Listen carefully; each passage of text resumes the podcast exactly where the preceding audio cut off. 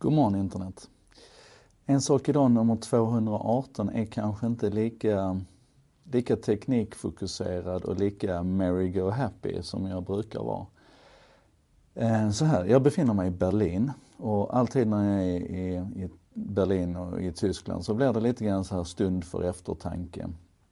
Och eh, jag ser två samverkande rörelser i, i vårt svenska samhälle just nu som gör mig lite, lite bekymrad. Eller som gör mig väldigt bekymrad. Faktum är att jag har legat sömnlös hela natten och klurat på det här. Um, och det, det, ena det handlar naturligtvis om, om vad vi kan lära av historien om hur snett det kan gå i ett politiskt perspektiv i ett samhälle.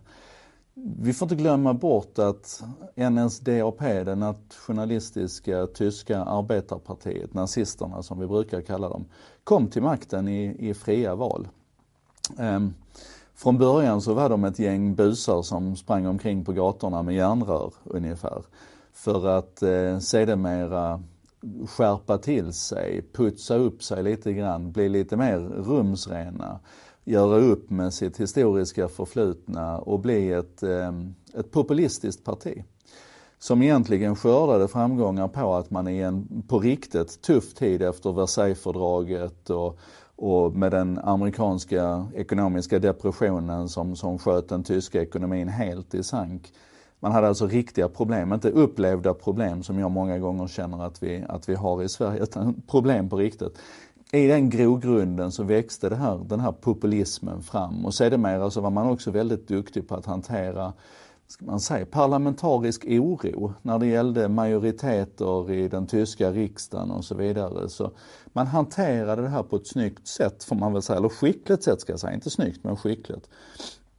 Och, och tog på det viset makten i Tyskland. Man blev det dominerande partiet och utifrån det sen så kunde man kunde man återvända till sin agenda. Man tog till exempel den här riksdagshusbranden som förevändning för att i ett enda penseldrag egentligen stryka alla de medborgerliga fri och rättigheterna som fanns i den tyska konstitutionen.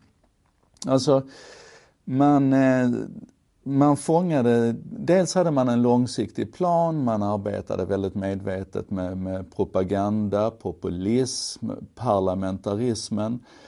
Och sen så fångade man tillfället. Så fort man fick en chans så fångade man tillfället och så, och så gjorde man Tyskland i praktiken till en, en diktatur. Och det här pågick under en ganska ganska begränsad tid. Alltså den, den, det var egentligen kan man säga mellan tre stycken tyska, tyska val, eh, varav ett nyval, som man, som man lyckades åstadkomma den här förändringen. Och det tycker jag att vi behöver lära av när vi nu tittar på det komplicerade läget inför det svenska valet den 9 september med, med majoriteter och, och det är besvärligt. Vi står inför ett besvärligt val. Den andra faktorn som, som då håller mig sömnlös det är att just eftersom jag är i Berlin som ju, som ju var mycket representanten för, för Östtyskland och, och Östberlin och Östtyskland och, och den starka kraften som Stasi utgjorde i Östtyskland. Alltså den här det här när, när statsmakten har våldsmonopolet att, att inte bara arbeta med, med poliser och domstolar och så vidare utan att också övervaka och kontrollera sina medborgare.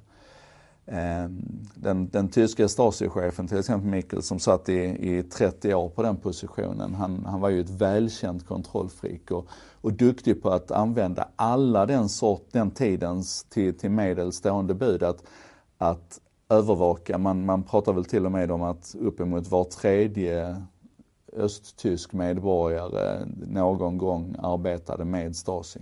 Ja, det är bisarra siffror.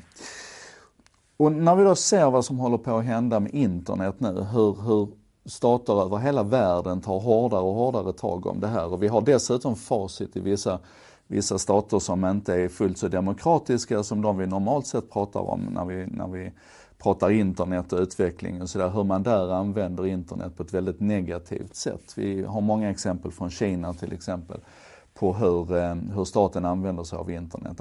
Och när jag nu ser att vi då i, i vår del av världen är, är på väg att ge statsmakten oerhört mycket kontroll över internet GDPR kan ses som en positiv rörelse men samtidigt så är det en reglering som ligger bakom. Vi har tidigare pratat om, om övervakning, vi har FRA-lagen och så vidare. Vi har, vi har olika former av, av framskjutna positioner. Inte minst så har vi nu den 20-21 juni när EU ska fatta, fatta beslut om, om två stycken drastiska resolutioner som kommer påverka internet dramatiskt. Det ena handlar om det man kallar för länkskatten och det andra handlar om ett obligatoriskt filter på allt man kallar det för, vi kallar det för censurmaskinen, vi som inte gillar det här. Alltså ett filter som ska titta på allt användaruppladdat innehåll. Och det är drivet på av copyright-rörelsen. Men samtidigt så betyder ju alla de här mekanismerna att om, om de är, jag ska inte säga harmlösa, men om de är relativt harmlösa så länge vi har en god stat, eller en relativt god stat. De är relativt harmlösa när vi har en relativt god stat. I den stunden när vi får en und stat så är ju de här verktygen, de här redskapen fullständigt förödande för oss medborgare. Och utan att liksom ta för mycket politisk ställning så kan jag då säga att jag är, jag är tillsammans med många andra bekymrade inför det parlamentariska läget i Sverige efter detta valet och definitivt inför 2022. Och kombinerar vi då med det med, med det som håller på att hända med internet så, så känns det lite grann som att vi håller på att och omvandla ett av de starkaste positiva redskapen som vi som medborgare skulle kunna ha för att hålla makten i schack och, och driva våra medborgerliga fri och rättigheter på ett bra sätt. Att vi håller på att omvandla det till ett redskap för, för statsmakten istället. Och den dagen vi inte har en bra statsmakt, då är det inte speciellt kul. Så, det här behöver vi fundera jättemycket på. Jag är ledsen om det här var en downer idag, men, men de måste också få lov att få plats. Och jag ska också säga väldigt tydligt att det här är mina personliga reflektioner runt de här två rörelserna vi ser. Um, och jag vill jättegärna diskutera det här vidare med men se till att vi håller diskussionen på en hyfsad och sansad nivå i så fall. Vi får, vi får hjälpas åt med det. Hörni, det här var En sak idag nummer 218. Jag heter Joakim Jardenberg. Jag producerar det här med benäget bistånd av vännerna på Bredband2, internetoperatören som gärna lyssnar när andra snackar och som hjälper till att sprida diskussioner om internets eh, positiva krafter framförallt. Eh, det textas och översätts av Contentor som arbetar med modern marknadsföring, redaktionella texter på nätet och översättningar. Och de ser till att fram emot lunch så finns det här textas på svenska och engelska och det är bara alldeles fantastiskt. Så, tillbaka imorgon igen med lite mer eh, gladare technyheter och lite mer upbeat. Men tills dess, vi kan väl hjälpas åt att klura på det här.